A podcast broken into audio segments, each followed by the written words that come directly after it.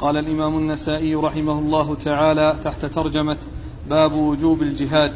قال أخبرنا أحمد بن محمد بن المغيرة قال حدثنا عثمان عن شعيب عن الزهري حاء وأخبرنا عمرو بن عثمان بن سعيد بن كثير. قال حدثنا أبي قال حدثنا شعيب عن الزهري قال حدثني سعيد بن المسيب أن أبا هريرة رضي الله عنه أخبره أن رسول الله صلى الله عليه وآله وسلم قال أمرت أن أقاتل الناس حتى يقولوا لا إله إلا الله فمن قالها فقد عصم مني نفسه وماله إلا بحقه وحسابه على الله. بسم الله الرحمن الرحيم. الحمد لله رب العالمين وصلى الله وسلم وبارك على عبده ورسوله نبينا محمد وعلى آله وأصحابه أجمعين. أما بعد فحديث أبي هريرة رضي الله عنه هذا سبق أن مر في الدرس الماضي من طرق عديدة وكذلك جاء عن غير أبي هريرة رضي الله تعالى عنه ويقول في هذا الحديث يقول عليه الصلاة والسلام أمرت أن أقاتل الناس حتى يقولوا لا إله إلا الله. وهنا اقتصر على الشهادة لله بالوحدانية ولا بد معها من الشهادة لنبيه محمد صلى الله عليه وسلم بالرسالة لأن الشهادتين متلازمتان لا تنفك إحداهما عن الأخرى ومنذ أن بعث رسول الله صلى الله عليه وسلم فلا ينفع أحدا أن يقول إنه مؤمن بالله دون أن يكون مؤمنا بمحمد بن عبد الله صلوات الله وسلامه وبركاته عليه بل يجب على كل إنسي وجني من حين بعثة الرسول صلى الله عليه وسلم إلى قيام الساعة أن يشهد أن محمد رسول الله صلى الله عليه وسلم وإلا فليس له إلا النار. وقد قال عليه الصلاة والسلام في الحديث الذي رواه مسلم في صحيحه والذي نفسي بيده لا يسمع بي أحد من هذه الأمة يهودي ولا نصراني ثم لا يؤمن بالذي جئت به إلا كان من أصحاب النار. فالشهادتان متلازمتان لا بد منهما. والمقصود من ما جاء في حديث أبي هريرة أن الكافر يدخل بالإسلام بهذه الشهادة وبقول لا إله إلا الله ثم يطالب بعد ذلك بالأمور التي وراءها كما جاء ذلك مبينا في حديث معاذ بن جبل حيث قال له النبي صلى الله عليه وسلم لما بعثه إلى اليمن إنك تأتي قوما أهل الكتاب فليكن أول ما تدعوهم إلى شهادة لا إله إلا الله وأن محمد رسول الله فإنهم أجابوك لذلك. فأعلموا من الله فرض عليهم خمس صلوات في كل يوم وليلة فإن فإنهم أجابوك لذلك. فأعلمهم أن الله افترض عليهم صدقة في أموالهم تؤخذ من أغنيائهم فترد على فقرائهم فإنهم أجابوك لذلك. فإياك وكرائم أموالهم واتق دعوة المظلوم فإنه ليس بينها وبين الله حجاب. والكافر إذا أظهر الشهادتين لله بالوحدانية ولنبيه محمد عليه الصلاة والسلام بالرسالة فإنه يعصم نفسه وماله بذلك و إلا بحق الإسلام وهو الأمور الأخرى التي لا بد منها وحسابه على الله عز وجل أي أنه إذا أظهر الشهادتين وأظهر الإسلام فإنه يقبل منه لأن المسلمين ليس لهم إلا الظاهر. وأما البواطن فهو علم فعلمها عند الله عز وجل. فلو أن هذا الذي أظهر الإسلام مبطنا الكفر أي منافقا يظهر الإيمان ويبطن الكفر فإن حسابه على الله عز وجل وهو الذي يعلم منه إظهار الإيمان وإبطان الكفر ويكون في النار وفي الدرك الأسفل من النار لأنه لأنه من جملة الكفار. لأنه مؤمن ظاهرا ولكنه كافر باطنا. كافر باطنا فمأواه ومستقره الدرك الأسفل من النار كما جاء ذلك في كتاب الله عز وجل. وذكرت أن حديث أن حديث أبي هريرة هذا الذي جاء في حديث أبي هريرة فيه فيه إجمال وفيه اختصار. وأما ما جاء في حديث ابن عمر فهو أوسع حيث قال أمرت أن أقاتل الناس حتى يشهدوا أن لا إله إلا الله وأن محمد رسول الله ويقيموا الصلاة ويؤتوا الزكاة. فإذا فعلوا ذلك عصموا دماءهم وأموالهم إلا بحق الإسلام وحسابهم على الله عز وجل.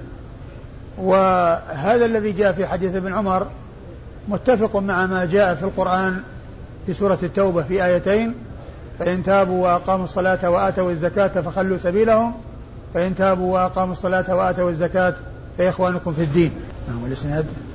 قال أخبرنا أحمد بن محمد بن المغيرة. أخبرنا أحمد بن محمد بن المغيرة وهو صدوق أخرج حديثه النسائي وحده.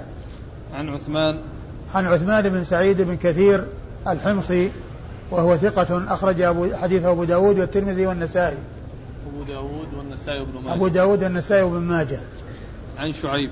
عن شعيب بن أبي حمزة الحمصي وهو ثقة أخرج له أصحاب الكتب الستة.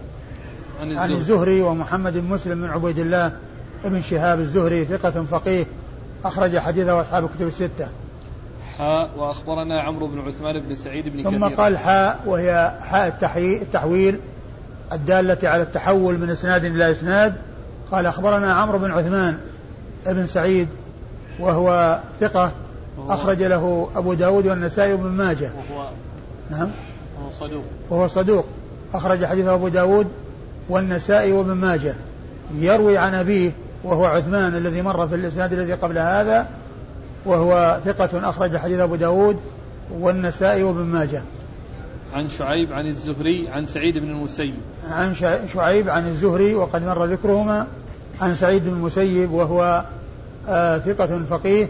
أحد فقهاء المدينة السبعة في عصر التابعين. وحديثه أخرجه أصحاب الكتب الستة. عن أبي هريرة. عن أبي هريرة عبد الرحمن بن صخر الدوسي صاحب رسول الله صلى الله عليه وسلم وأكثر أصحابه حديثا على الإطلاق رضي الله تعالى عنه وأرضاه. قال أخبر أخبرنا هارون بن عبد الله ومحمد بن إسماعيل بن, ابن إبراهيم. قالا حدثنا يزيد. قال أخبرنا حماد بن سلمة قال حدثني حميد عن أنس رضي الله عنه عن النبي صلى الله عليه وآله وسلم أنه قال جاهدوا المشركين بأموالكم وأيديكم وألسنتكم ثم أورد النسائي حديث أنس بن مالك رضي الله عنه وهو قوله عليه الصلاة والسلام جاهدوا المشركين بأموالكم وأيديكم وألسنتكم. وهذا الحديث فيه أنواع الجهاد الثلاثة التي هي الجهاد بالمال والجهاد بالنفس الذي قال بأيديكم هنا والجهاد باللسان والجهاد باللسان.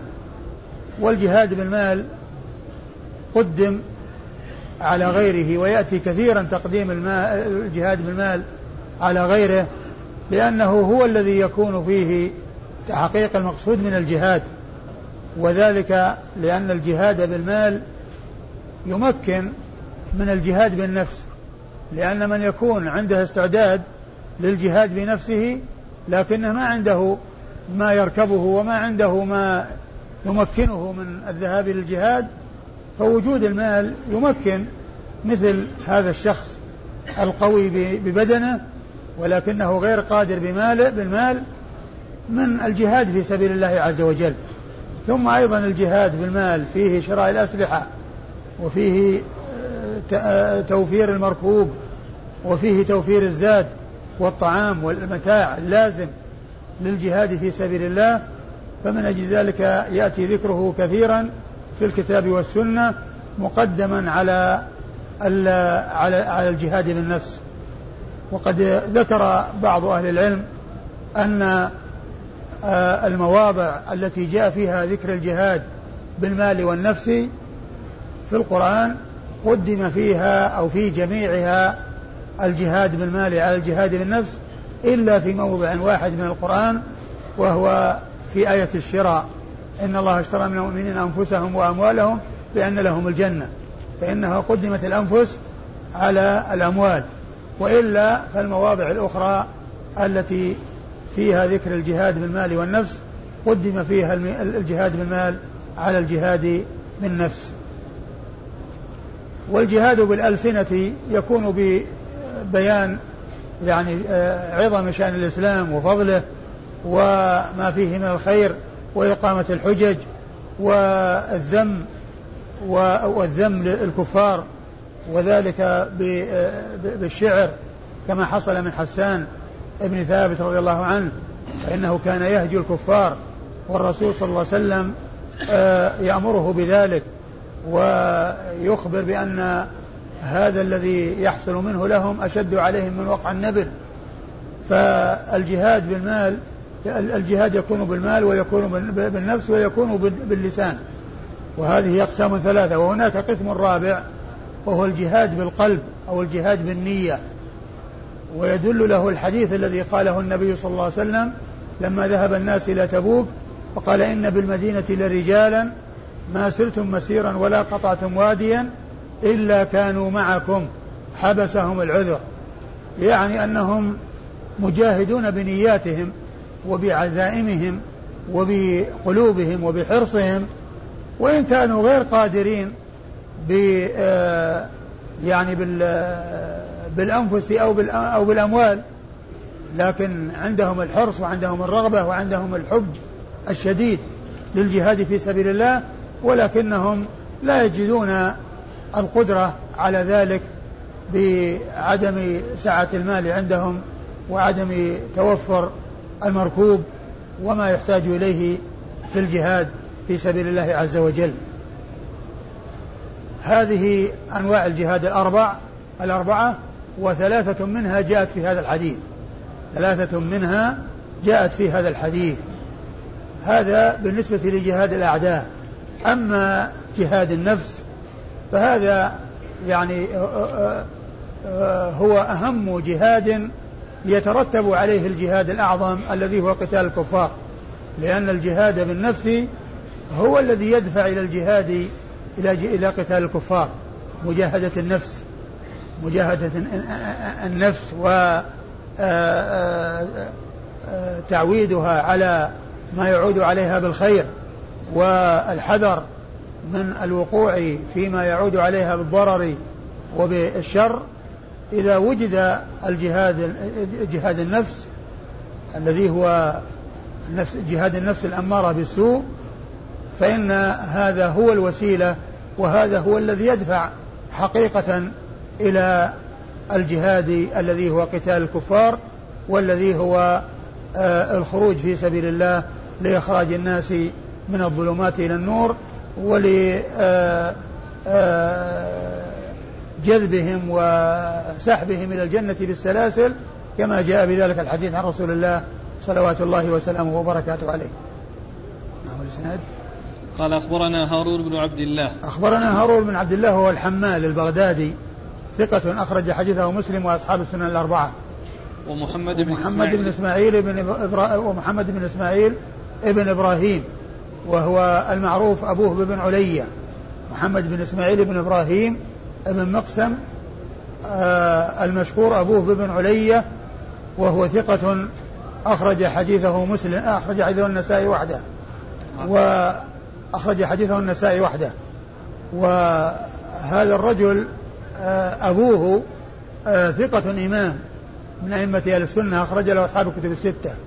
وله أخ سيء وهو إبراهيم ابن إسماعيل الذي قال عنه الذهبي في الميزان جهمي هالك جهمي هالك وهو الذي يعرف بالشذوذ في مسائل الفقه في مسائل فقهية. عندما يأتي في بعض المسائل الفقهية وخالف فيها الأصم وابن علية وخالف فيها ابن علية يعني عندما يأتي ذكر ابن علية في مسائل الفقه الشاذة فالمراد به الجهمي المبتدع الذي هو إبراهيم. ومن المسائل التي جاء فيها ذكره مسألة الإجارة. الإجارة يقول إن الإجارة لا تجوز. الإجارة, الإجارة حرام. لا تجوز. و قالوا إنه خالف فيها ابن علية والأصم. ابن علية هذا اللي هو إبراهيم والأصم الذي هو أبو بكر بن كيسان المعتزلي. أبو بكر بن كيسان المعتزلي وهو غير الأصم الذي هو شيخ الحاكم. محمد بن يعقوب الأصم الذي هو ثقة لكن الذي يأتي ذكره في مسائل الشذوذ الفقه في المسائل الفقهية الشاذة التي فيها التي يشذ فيها المراد بها أبو بكر بن كيسان الأصم. وكذلك عندما يأتي ذكر ابن علية فالمراد به إبراهيم أخو محمد هذا الذي معنا في الإسناد. هذا ثقة محدث وذاك جهمي هالك كما قال ذلك الذهبي في الميزان. نعم. عن يزيد. عن يزيد بن هارون الواسطي وهو ثقة أخرج له أصحاب كتب الستة. عن حماد بن سلمة. عن حماد بن سلمة البصري وهو ثقة أخرج حديثه البخاري تعليقا ومسلم وأصحاب السنن الأربعة. عن حميد. عن حميد بن أبي حميد الطويل وهو ثقة أخرج حديثه أصحاب الكتب الستة وقالوا في ترجمته إنه مات فجأة في الصلاة إنه مات فجأة وهو يصلي نعم. عن أنس عن أنس بن مالك رضي الله عنه صاحب رسول الله صلى الله عليه وسلم وخادمه وأحد السبعة المعروفين بكثرة الحديث عن النبي صلى الله عليه وسلم وهم أبو هريرة وابن عمر وابن عباس وأبو سعيد الخدري وجابر بن عبد الله الأنصاري وأنس بن مالك وأم المؤمنين عائشة ستة رجال وامرأة واحدة رضي الله تعالى عنهم وعن الصحابة أجمعين. أحسن الله إليك. الجهاد بالبنان. هل هو داخل في الجهاد بالأيدي؟ الجهاد إيش؟ بالبنان. يعني بالكتابة كما يقولون من يكتب ضد المشركين ويبين يعني ما هم فيه. هذا كما هو معلوم هذا من جنس الجهاد باللسان. هذا من جنس الجهاد باللسان لأن الكتابة هي مثل القول. الكتابة هي مثل القول بل قد تكون أبلغ من القول أو أعظم نفعا من القول من جهة بقائها واستمرارها.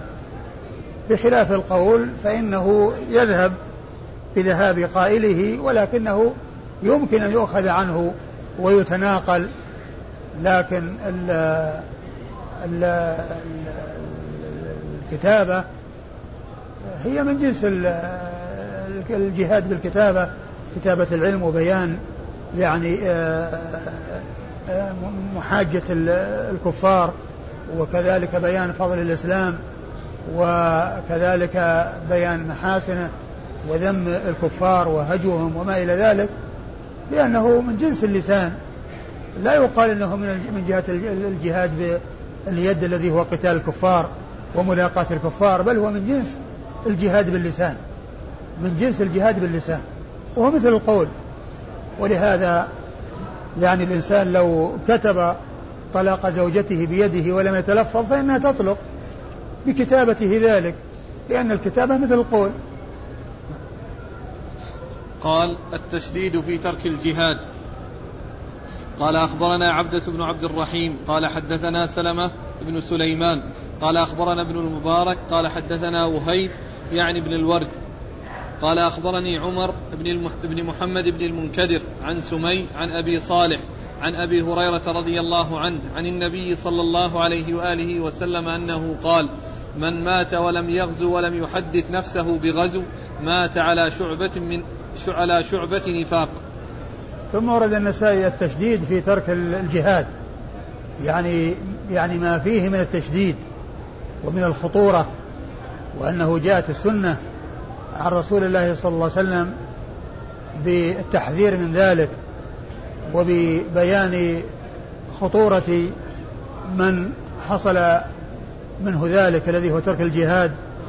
وأورد فيه حديث آه، أبي هريرة رضي الله تعالى عنه النبي عليه الصلاة والسلام قال من لم يغزو ولم يحدث نفسه بالغزو مات على شعبة نفاق أو على شعبة من النفاق. من ما من مات ولم يغزو ولم يحدث نفسه بالغزو. قل هو لم يغزو يعني حصل منه مباشرة الغزو. ولم يحدث نفسه بالغزو يعني ما فكر ولا اهتم فإنه يموت على شعبة من النفاق. ذلك أن المنافقين شأنهم أنهم يحبون الحياة ولا يحبون الجهاد لأن فيه إزهاق النفوس وهم على حالة سيئة وليس أمامهم إذا ماتوا إلا النار والعياذ بالله. ولهذا فهم يفرحون بالحياة ويحبونها ويكرهون الموت. ويكرهون الموت لأنه ليس لهم وراء الموت إلا ما يسوءهم والعياذ بالله. ومحل الشاهد من ترك من ذكر التشديد في قوله أنه لم يحدث نفسه بالغزو. لم يحدث نفسه بالغزو أنه يموت على شعبة من النفاق. إذا ما حدث حدثته نفسه يعني بأن يكون عنده في قلبه الرغبة الصادقة في حصول القتال والرغبة فيه وأن يكون مع المجاهدين الذين يغزون في سبيل الله ويقاتلون في سبيل الله لإعلاء كلمة الله ولإخراج الناس من الظلمات إلى النور من لم يحصل منه الغزو ولا تحديث النفس بالغزو فإنه يموت على شعبة من النفاق لأي قطعة منه أو جزء منه لأن هذا شأن المنافقين الذين لا تحدثهم نفسهم بالجهاد ولا يريدون الجهاد لما يترتب عليه من حصول القتل وما يترتب عليه من حصول ما, ما قد يحصل من ضرر لأنهم لا يريدون الآخرة وإنما يريدون الدنيا كما جاء المنافقين كما جاء في حديث أبي هريرة رضي الله عنه في قصة تخلفهم عن الجماعة وعن صلاة الجماعة. قال عليه الصلاة والسلام آه، أثقل الصلاة على المنافقين صلاة العشاء وصلاة الفجر ولا يعلمون ما فيه من أجر لأتوهما ولو حبوا هذا هذا ثواب الآخرة والنتائج المترتبة عليه في الدار الآخرة. وهمهم الدنيا قال في آخر الحديث والذي نفسي بيده لو يعلم أحدهم أنه يجد عرقا ثمينا أو مرماتين حسنتين لشهد العشر لو كان في لحم يوزع في المسجد ولو كان أنه اللحم بسيط يعني لبادر إلى الإتيان المسجد ليأخذ نصيبه من اللحم. والذي نفسي بيده لو يعلم أحدهم أنه يجد عرقا ثمينا وهو العظم عليه لحم أو مرماتين حسنتين ظلفين بينهما لحم أو ضلعين بينهما لحم يعني معناه أنه شيء بسيط وشيء آه، ليس بذي شأن ولكن همهم الدنيا. فذكر في أول الحديث أنهم يعني لا تهمهم الآخرة حيث قال أثقل الصلاة على المنافق صلاة الفجر ولو يعلمون ما فيه من الأجر لأتوهما ولو حبوا ولو يعلمون ما فيه من أجر لأتوهما ولو حبوا هذا بيان عظم ما يترتب على ذلك في الدار الآخرة. ثم بين يعني همهم وما آه يعني يريدونه وهو الدنيا. ولو كانت الدنيا بسيطة أو الذي يحصلون منها شيء يسير فإنهم لا يتأخرون عنه ليحصلوا نصيبهم منه. حيث قال والذي نفسي بيده لو يعلم أحدهم أنه يجد أنه يجد عرقا سمينا أو مرماتين حسنتين لشهد العشاء. يعني يأتي لصلاة العشاء من أجل حصل نصيبه من اللحم. نعم. قال أخبرنا عبدة بن عبد الرحيم. أخبرنا عبدة ابن عبد الرحيم وهو وهو صدوق أخرج له البخاري في الأدب المفرد والنسائي. وهو صدوق أخرج له البخاري في الأدب المفرد والنسائي. عن سلمة بن سليمان. عن سلمة بن سليمان المروزي وهو ثقة أخرج له البخاري ومسلم والنسائي. أخرج له البخاري ومسلم والنسائي. عن ابن المبارك. عن ابن المبارك عبد الله بن المبارك المروزي ثقة أخرج له أصحاب الكتب الستة.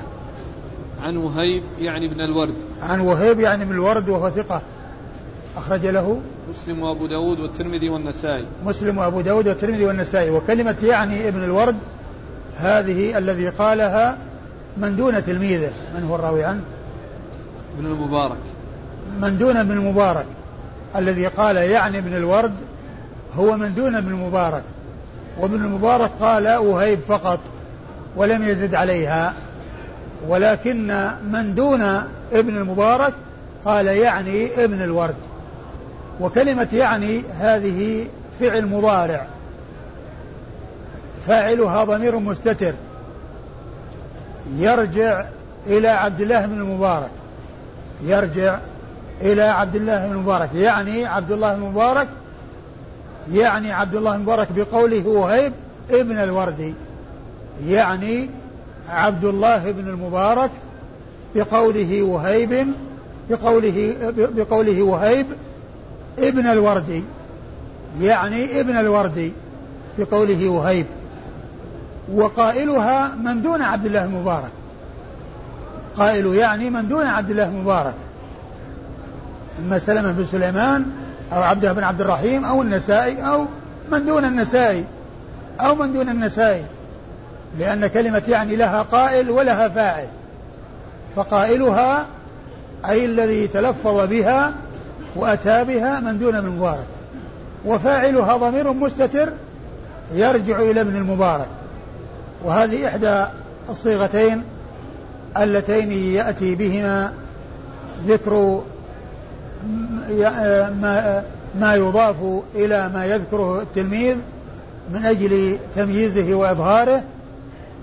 والعبارة الثانية أو اللفظ الثاني هو هو ابن فلان أو هو ابن الورد.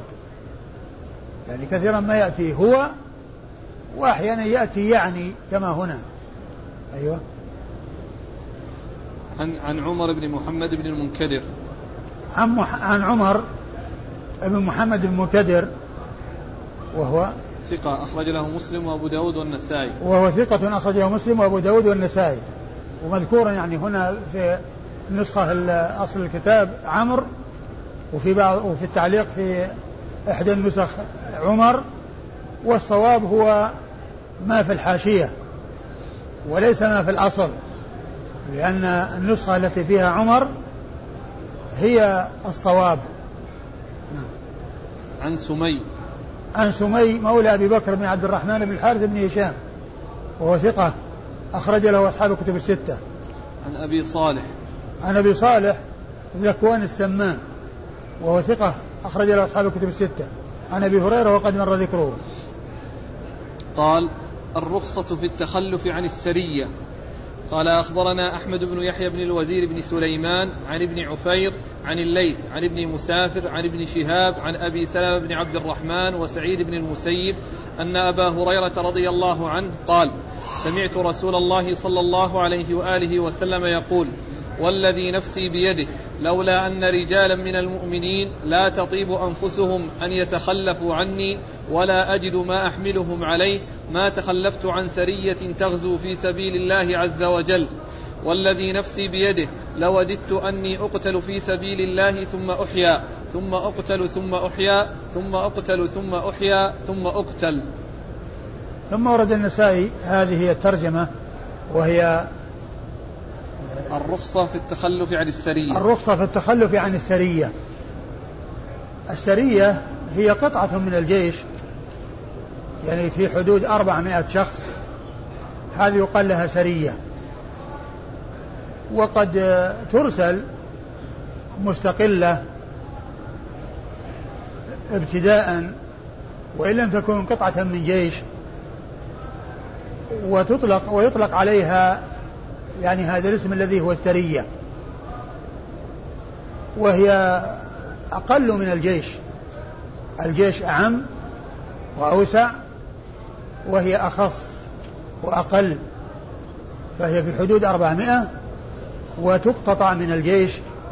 وقد ترسل ابتداء وهي في حدود هذا المقدار الذي هو أربعمائة. وترجمه الرخصة في التخلف عن السرية. والمقصود من ذلك أنه عند الحاجة وعند أمر يقتضي ذلك تكون هذه الرخصة. وقد أورد النسائي حديث حديث أبي هريرة. حديث أبي هريرة رضي الله عنه الذي بين فيه الرسول صلى الله عليه وسلم عظم شأن الجهاد في سبيل الله وحرصه على أن يخرج في كل سرية. ولا يتخلف عن أي سرية ولكن الذي يمنعه من ذلك كون رجال من أصحابه يشق عليهم أن يتخلفوا عنه وهو لا يجد ما يحملهم عليه. ما عنده مركوبات ورواحل يتمكن من تحقيق مرادهم في أن يذهبوا معه ويذهب هو صلى الله عليه وسلم لأنهم ذهبوا معه فهو عليه الصلاة والسلام آه، أخبر عن السبب الذي يمنعه من الخروج في أي سرية وهو وهي وجود جماعة من أصحابه يشق عليهم التخلف عنه ولا يجد هو ما يحقق به رغبتهم لكونه لا يجد ما يحملهم عليه صلوات الله وسلامه وبركاته عليه. ولولا هذا ما تخلف عن أي سرية. وهذا فيه بيان عظم شأن الجهاد في سبيل الله وحرص الرسول الكريم صلى الله عليه وسلم على الجهاد وأنه يترك الشيء من أجل الرفق بأمته أو من أجل مراعاة أحوال بعض أمته صلى الله عليه وسلم لأن تخلفه إنما هو بسببهم. ثم بين عليه الصلاة والسلام بصورة أعظم وبصورة أوضح عظم شأن الجهاد في سبيل الله وهو, ما بينه من أنه يود أن يجاهد في سبيل الله فيقتل ثم يحيى ثم فيقتل ثم فيقتل ثم يحيى فيقتل. يعني آه، عدة مرات يعني آه، يجاهد فيقتل ثم يحيى فيجاهد ويقتل ثم يحيى فيجاهد ويقتل. يعني معناه لما في عظم لما في الجهاد من الأجر العظيم والثواب الجزيل والخير الكثير والنفع العميم في الدخول في دين الله عز وجل وإخراج الناس من الظلمات إلى النور. وهو يدل على فضل الجهاد وعلى فضل الشهادة في سبيل الله. وعلى أن النبي صلى الله عليه وسلم ود أن يكون كذلك صلوات الله وسلامه وبركاته عليه. السند. قال أخبرنا أحمد بن يحيى بن الوزير بن سليمان. أخبرنا أحمد بن يحيى بن الوزير بن سليمان وهو صدوق أخرج حديثه. وهو ثقة أخرج له أبو داود. ثقة؟ ليس التجيبي هو؟ إلا. ثقة أخرج له أبو داود والنسائي. ثقة أخرج حديث أبو داود والنسائي. عن ابن عفير. عن ابن عفير وهو سعيد بن كثير. ابن عفير المصري وهو ثقة هذا هو وهو صدوق. وهو صدوق أخرج حديثه البخاري ومسلم وأبو داود في القدر والنسائي. عن الليث. عن الليث بن سعد المصري وهو ثقة فقيه أخرج حديث أصحاب الكتب الستة. عن ابن مسافر. عن ابن مسافر وهو عبد الرحمن بن خالد ابن مسافر وهو صدوق. أخرج حديثه البخاري. ومسلم وأبو داود في المراسيل والترمذي والنسائي. البخاري ومسلم وأبو داود في المراسيل والترمذي والنسائي.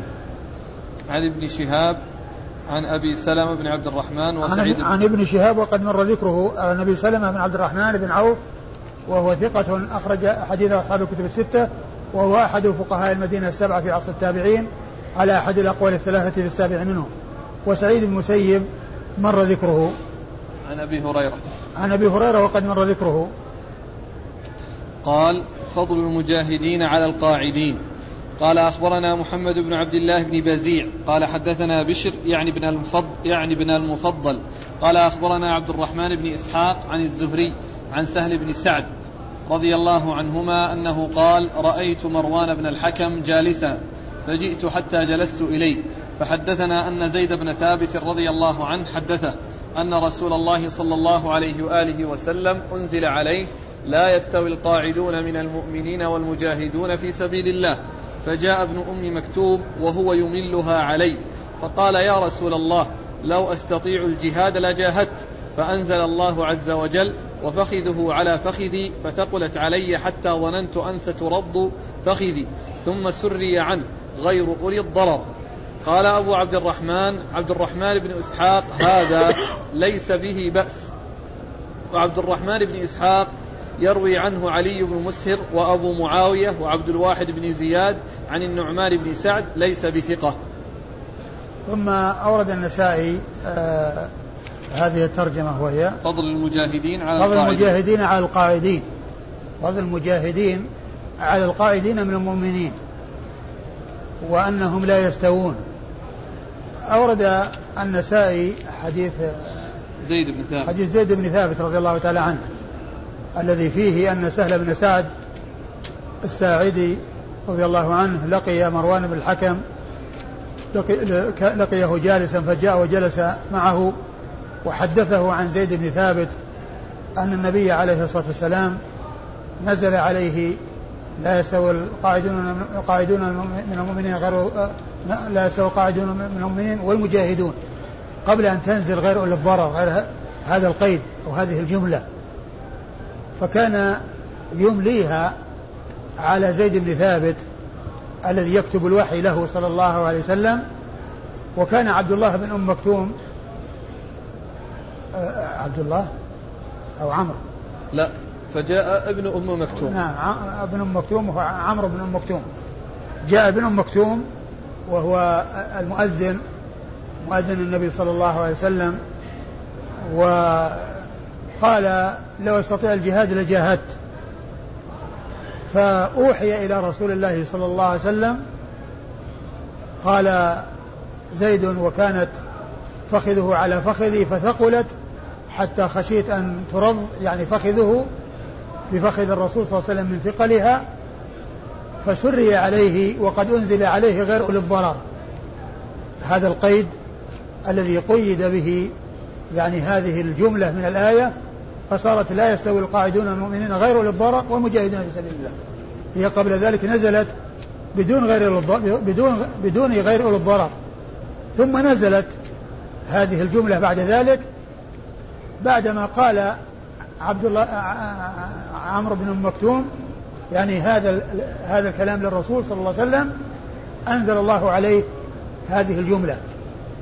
وكان عليه الصلاة والسلام يلقى شدة عندما ينزل عليه القرآن عندما يوحى إليه. يعني يجد شدة. وحتى أنه جاء في بعض الأحاديث أنه في اليوم الشاتي الشديد البرودة يتصبب عرقا. صلى الله عليه وسلم لما يلقى من الشدة. وزيد بن ثابت رضي الله عنه يصف ما حصل له من شدة يعني في هذا الحديث مع أن الذي أوحي إليه شيء قليل. يعني هذا الذي أوحي إليه في هذا الحديث هو شيء قليل وهذه الجملة غير أولي الضرر. غير أولي الضرر. وهذا يسمونه في ال ال في أصول الفقه المخصص المتصل اللي هو الاستثناء. وقد جاء هذا المخصص المتصل بعد وقت يعني ليس متصلا. ليس متصلا به ليس الكلام الاستثناء متصلا بل ذاك أنزل من قبل وهذا أنزل فيما بعد. ومن المعلوم أن الاستثناء في الكلام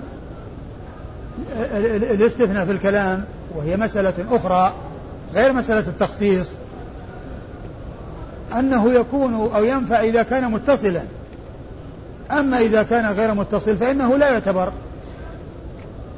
مثل الاستثناء في اليمين. كون الإنسان يعني يحلف. ما يمكنه أن يستثني باليمين بعد مدة. يمكن يستثني في الحال. أو إذا ذكر. لكن بعد ما يمضي ساعة أو ساعتين يقول إن شاء الله. والله إن شاء الله. يقول والله ثم بعد ساعة يقول إن شاء الله. أو بعد يوم. أو بعد يومين. ما ينفع هذا الاستثناء. ما ينفع هذا الاستثناء. لكن فيما يتعلق بالتخصيص المتصل كما جاء في هذا الحديث آآ آآ هذا اللفظ العام جاء ما يقيده وهو متصل غير منفصل بنزول هذه الجملة من الآية وهي قول الله عز وجل غير أولي الضرر. وفيه بيان يعني كما قلت يعني ما يلقاه النبي صلى الله عليه وسلم من الشدة عندما يوحى إليه وأن ذلك يكون ولو كان في الشيء القليل الذي يوحى به إليه عليه الصلاة والسلام لأن هذا الذي يحكيه آه، زيد بن ثابت كان لإنزال هذا المقطع من الآية أو هذا هذه الجملة من الآية التي فيها تقييد لما أطلق في أولها والذي أنزل من قبل يعني من قبل أن يقول له آه، ابن أم مكتوم رضي الله تعالى عنه ما قال ومن المعلوم أن المقصود بالذين حصلت المفاضلة بينهم وأن المجاهدون خير منهم هم المؤمنون الذين لا يتمكنون من القتال وأما الذين يتمكنون من القتال ويعني يتأخرون وقد احتيج إليهم فلا مقارنة ولا موازنة بين بينهم وبين غيرهم. وكذلك المنافقون الذين يتخلفون هؤلاء آه، هم في الدرك الأسفل من النار وليسوا من المؤمنين. وإن كانوا يعتبرون من المؤمنين ومن المسلمين في الظاهر ولكنهم في الباطن ليسوا منهم لأنهم كفار. قال أخبرنا محمد بن عبد الله بن بزيع. أخبرنا محمد بن عبد الله بن بزيع وهو صدوق. ثقة. وهو ثقة أخرج حديثه. مسلم والترمذي والنسائي. مسلم أخرج حديثه مسلم والترمذي والنسائي. عن بشر يعني بن المفضل. عن بشر يعني بن المفضل وهو ثقة أخرج حديثه أصحاب الكتب الستة. عن عبد الرحمن بن إسحاق. عن عبد الرحمن بن إسحاق وهو صدوق أخرج حديثه البخاري تعليقا وأصحاب السنن. البخاري في الأدب المفرد. البخاري في الأدب المفرد و ومسلم وأصحاب السنن. البخاري في الأدب المفرد ومسلم وأصحاب السنن الأربعة. عن سهل بن سعد. عن سهل بن سعد الساعدي صاحب رسول الله صلى الله عليه وسلم وحديثه أخرجه أصحاب الكتب الستة. عن مروان بن الحكم الخليفة وقال عنه نقل الحافظ في التقريب عن بعض أهل العلم أنه قال لا يتهم في الحديث وقد خرج حديثه البخاري وأصحاب السنن الأربعة. بين عبد الرحمن بن إسحاق وسهل بن سعد بينهما الزهري. نعم الزهري نعم. الزهري قبل عبد الرحمن قبل سهل قبل سعد. سهل بن سعد. والزهري مر ذكره. نعم. عن زيد بن ثابت. عن زيد بن ثابت رضي الله تعالى عنه كاتب وحي الرسول صلى الله عليه وسلم وحديثه أخرجه أصحاب الكتب الستة. ثم ثم النسائي بعد ذلك ذكر يعني أشار إلى عبد الرحمن بن إسحاق الذي في الإسناد وأنه لا بأس به. وذكر شخصا آخر يقال له عبد الرحمن بن إسحاق ذكر بعض بعض تلاميذه وشيخ من شيوخه وقال ذاك ليس بثقة. وهذا أراد به التمييز يعني بين الشخصين المشتبهين متفقين في الاسم واسم الأب الذي هو المؤتلف والمختلف. فبين أن هذا غير ذلك أن هذا صدوق أنه لا بأس به وهي بمعنى صدوق يعني معنى حجة وأن ذاك ليس بثقة. قال أخبرنا محمد بن يحيى بن عبد الله قال حدثنا يعقوب بن إبراهيم بن سعد قال حدثني أبي عن صالح عن ابن شهاب قال حدثني سهل بن سعد قال رأيت مروان جالسا في المسجد فأقبلت حتى جلست إلى جنبه فأخبرنا أن زيد بن ثابت رضي الله عنه أخبره أن رسول الله صلى الله عليه وآله وسلم أملى عليه لا يستوي القاعدون من المؤمنين والمجاهدون في سبيل الله. قال فجاءه ابن أم مكتوم وهو يملها علي فقال يا رسول الله لو أستطيع الجهاد لجاهدت وكان رجلا أعمى فأنزل الله على رسوله صلى الله عليه وآله وسلم وفخذه على فخذي حتى همت ترد حتى همت ترد فخذي ثم سري عنه فأنزل الله عز وجل غير أولي الضرر. ثم ورد النسائي حديث زيد بن ثابت من طريق أخرى وهو مثل ما تقدم والإسناد. اخبرنا محمد بن يحيى بن عبد الله. محمد بن يحيى بن عبد الله هو الذهلي وهو ثقة أخرج حديثه البخاري وأصحاب السنة الأربعة. عن يعقوب بن إبراهيم بن سعد. عن يعقوب بن إبراهيم بن سعد وهو ثقة أخرج له أصحاب الكتب الستة. عن عن أبي أبيه إبراهيم بن سعد وهو ثقة أخرج له أصحاب الكتب الستة أيضا. عن صالح. عن صالح بن كيسان وهو ثقة أخرج له أصحاب الكتب الستة. عن ابن شهاب عن سهل بن سعد عن مروان عن زيد بن ثابت. وقد مر ذكر الأربعة. قال أخبرنا نصر بن علي قال حدثنا معتمر عن أبيه عن أبي إسحاق عن البراء رضي الله عنه أن النبي صلى الله عليه وآله وسلم ذكر كلمة معناها قال ائتوني بالكتف واللوح فكتب لا يستوي القاعدون من المؤمنين وعمرو بن أم مكتوم خلفه فقال هل لي رخصة؟ فنزلت غير أولي الضرر. تعيده إسناد قال أخبرنا نصر بن علي. قال حدثنا معتمر عن أبيه عن أبي إسحاق عن البراء رضي الله عنه. أن النبي صلى الله عليه وآله وسلم ثم ذكر كلمة معناها قال ائتوني بالكتف واللوح فكتب لا يستوي القاعدون من المؤمنين وعمرو بن أم مكتوم خلفه فقال هل لي رخصة؟ فنزلت غير أولي الضرر ثم أورد النسائي حديث البراء بن عازب وهو من يعني بمعنى حديث زيد بن ثابت رضي الله عنه وأن يعني الآية لما نزلت بدون غير أولي الضرر قال ابن مكتوم ما قال وأنزل الله عز وجل يعني آه هذه الجملة أو هذا القيد الذي قيد به هذا الإطلاق وهو غير أولي الضرر فهو مثل الذي قبله ويبين يعني سبب نزول هذه الجملة وأنها قول عبد قول ابن مكتوم ما قال. نعم والإسناد قال أخبرنا نصر بن علي. أخبرنا نصر بن علي ابن نصر بن علي الجهضمي وهو ثقة أخرج له أصحاب الكتب. نعم. أخرج له أصحاب الكتب الستة.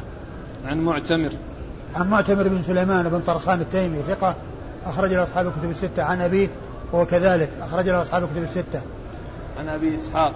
عن أبي إسحاق عمرو بن عبد الله السبيعي الهمداني الهمداني السبيعي وهو ثقة أخرج له أصحاب الكتب الستة. عن البراء. عن البراء بن عازب صاحب رسول الله صلى الله عليه وسلم وحديثه أخرجه أصحاب الكتب الستة. قال أخبرنا محمد بن عبيد قال حدثنا أبو بكر بن عياش عن أبي إسحاق عن البراء رضي الله عنه أنه قال لما نزلت لا يستوي القاعدون من المؤمنين. جاء ابن أم مكتوم وكان أعمى فقال يا رسول الله فكيف في وأنا أعمى؟ قال فما برح حتى نزلت غير أولي الضرر. ثم ورد النسائي حديث البراء بن عازم من طريق أخرى وهو مثل ما تقدم. وأما الإسناد فيقول النسائي أخبرنا محمد بن عبيد. محمد بن عبيد هو المحاربي وهو ثقة أخرج حديثه. ثقة ولا صدوق؟ صدوق. صدوق أخرج حديثه. أبو داود والترمذي والنسائي. أبو داود والترمذي والنسائي. عن أبي بكر بن عياش. عن أبي بكر بن عياش وهو وهو ثقة أخرج له أصحاب الكتب الستة. لكن ثقة ولا صدوق؟ لا ثقة لكن صحيح, صحيح الكتاب. ها؟ صحيح الكتاب قال صحيح الكتاب. قال ثقة في حفظه ثم قال صحيح الكتاب. أو تغير. ثقة عابد إلا أنه لما كبر ساء حفظه وكتابه صحيح. أي نعم. لكن أحسن الله إليك. في نفس الترجمة في آخرها وروايته في مقدمة مسلم. في مقدمة مسلم؟ أي, أي. يعني يعني معناه خرج له مسلم في المقدمة. أخرج له أصحاب الكتب الستة إلا مسلم فأخرج له في المقدمة. نعم. عن أبي إسحاق عن البراء. ولا يعني آه، آه، إخراج مسلم في المقدمة لشخص أنه يعني لا يكون يعني حجة ولعل هذا هذا هو الذي اتفق له. وإلا فإن عبد الله بن الزبير المكي الذي هو شيخ البخاري والذي روى عنه أول حديث في صحيح البخاري ما خرج له مسلم إلا في المقدمة. ما خرج له مسلم إلا في المقدمة ما خرج له في الصحيح وهو الذي روى عنه البخاري أول حديث في صحيحه. فقضية يعني عدم الإخراج للشخص أو الإخراج للشخص في كتاب دون كتاب يعني لا يعني آه النيل منه أو الحط من شأنه إذا كان ثقة. نعم. عن عياش عن؟ عن أبي إسحاق عن البراء. عن أبي إسحاق عن البراء وقد مر ذكرهما. قال الرخصة في التخلف لمن له والدان. قال أخبرنا محمد بن المثنى عن يحيى بن سعيد عن سفيان وشعبة قالا حدثنا حبيب بن أبي ثابت. عن أبي العباس عن عبد الله بن عمرو رضي الله عنهما أنه قال جاء رجل إلى رسول الله صلى الله عليه وآله وسلم يستأذنه في الجهاد فقال أحي والداك؟ قال نعم. قال ففيهما فجاهد. ثم أورد النسائي الرخصة في التخلف عن الجهاد لمن له والدان لمن له والدان. وأورد فيه حديث عبد الله بن عمرو. حديث عبد الله بن عمرو بن العاص رضي الله تعالى عنهما أن النبي صلى الله عليه وسلم جاء إليه رجل وقال يا رسول الله قال يا رسول الله إيش؟ جاء رجل الرسول صلى الله عليه وسلم يستأذن يستأذنه في الجهاد فقال أحي فقال له عليه الصلاة والسلام أحي والداك؟ قال نعم قال ففيهما فجاهد. والمقصود من هذا الجهاد اللي يكون فرض كفاية.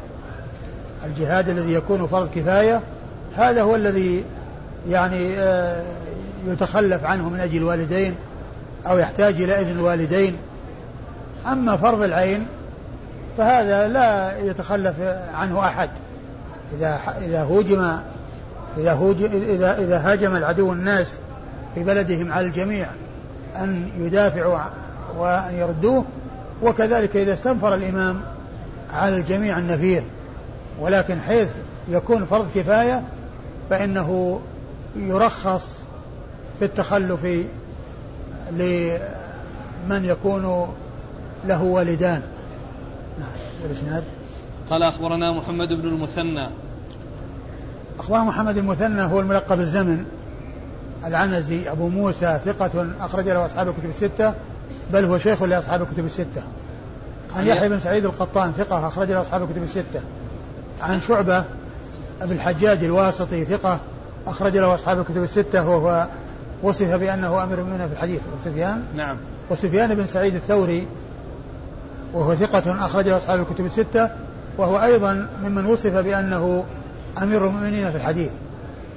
فسفيان وشعبة هذان ممن وصف بأن ممن وصفوا بأن بأنهم من أمراء المؤمنين في الحديث. عن حبيب بن أبي ثابت. عن حبيب بن أبي ثابت وهو ثقة كثير التدليس والإرسال وحديثه أخرجه أصحاب الكتب الستة.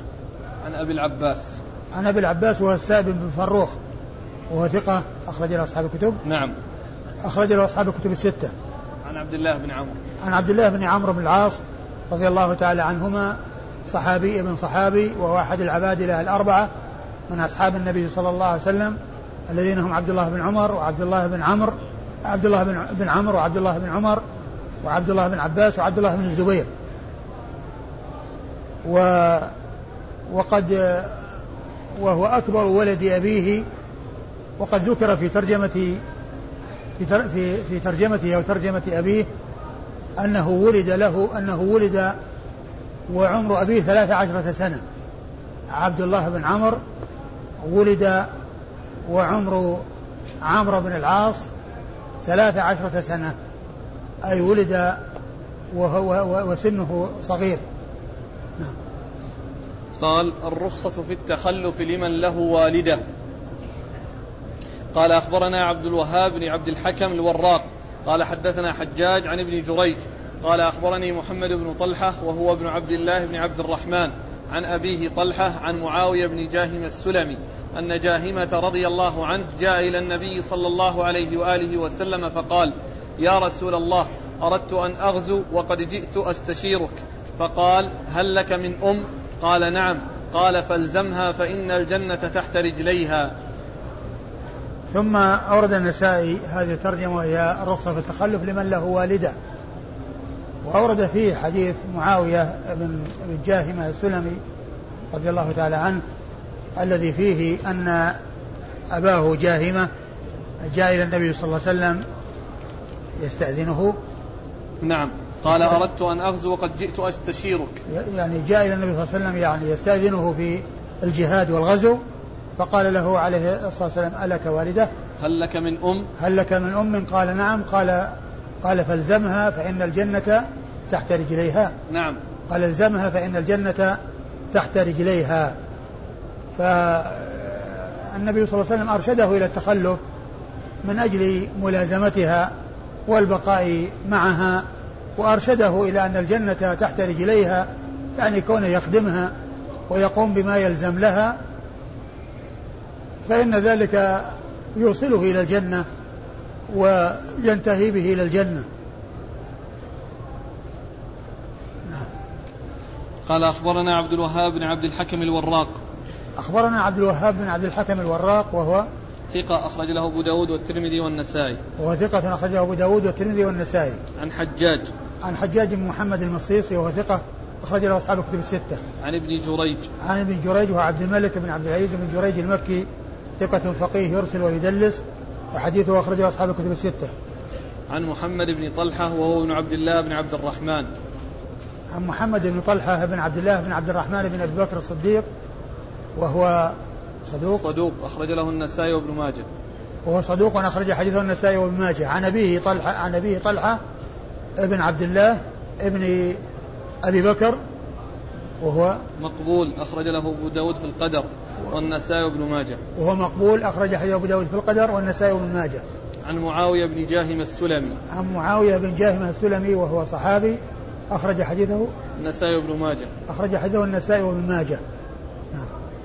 قال فضل من يجاهد في سبيل الله بنفسه وماله.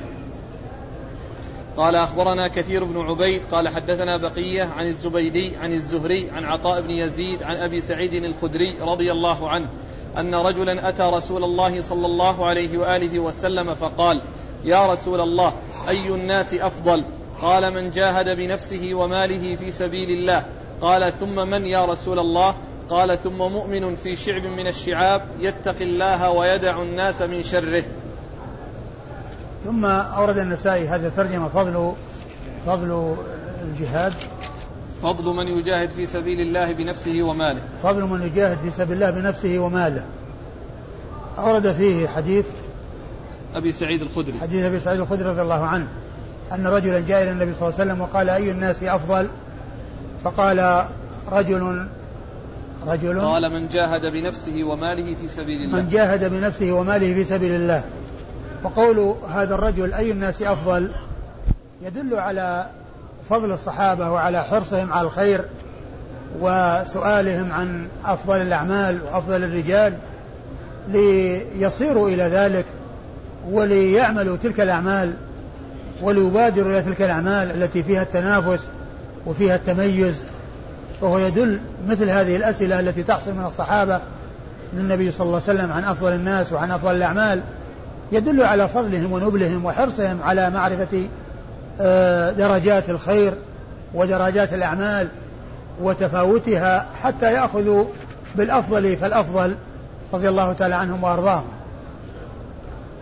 والنبي عليه الصلاة والسلام أخبر السائل أنه أن من جاهد بنفسه وماله في سبيل الله فهذا هو خير الناس وأفضل الناس. جاهد بنفسه وماله في سبيل الله. يعني بذل النفس والنفيس بذل النفس والنفيس الذي هو المال في سبيل الله لهداية الخلق وإخراجهم من الظلمات إلى النور ثم قال ثم ثم إيش؟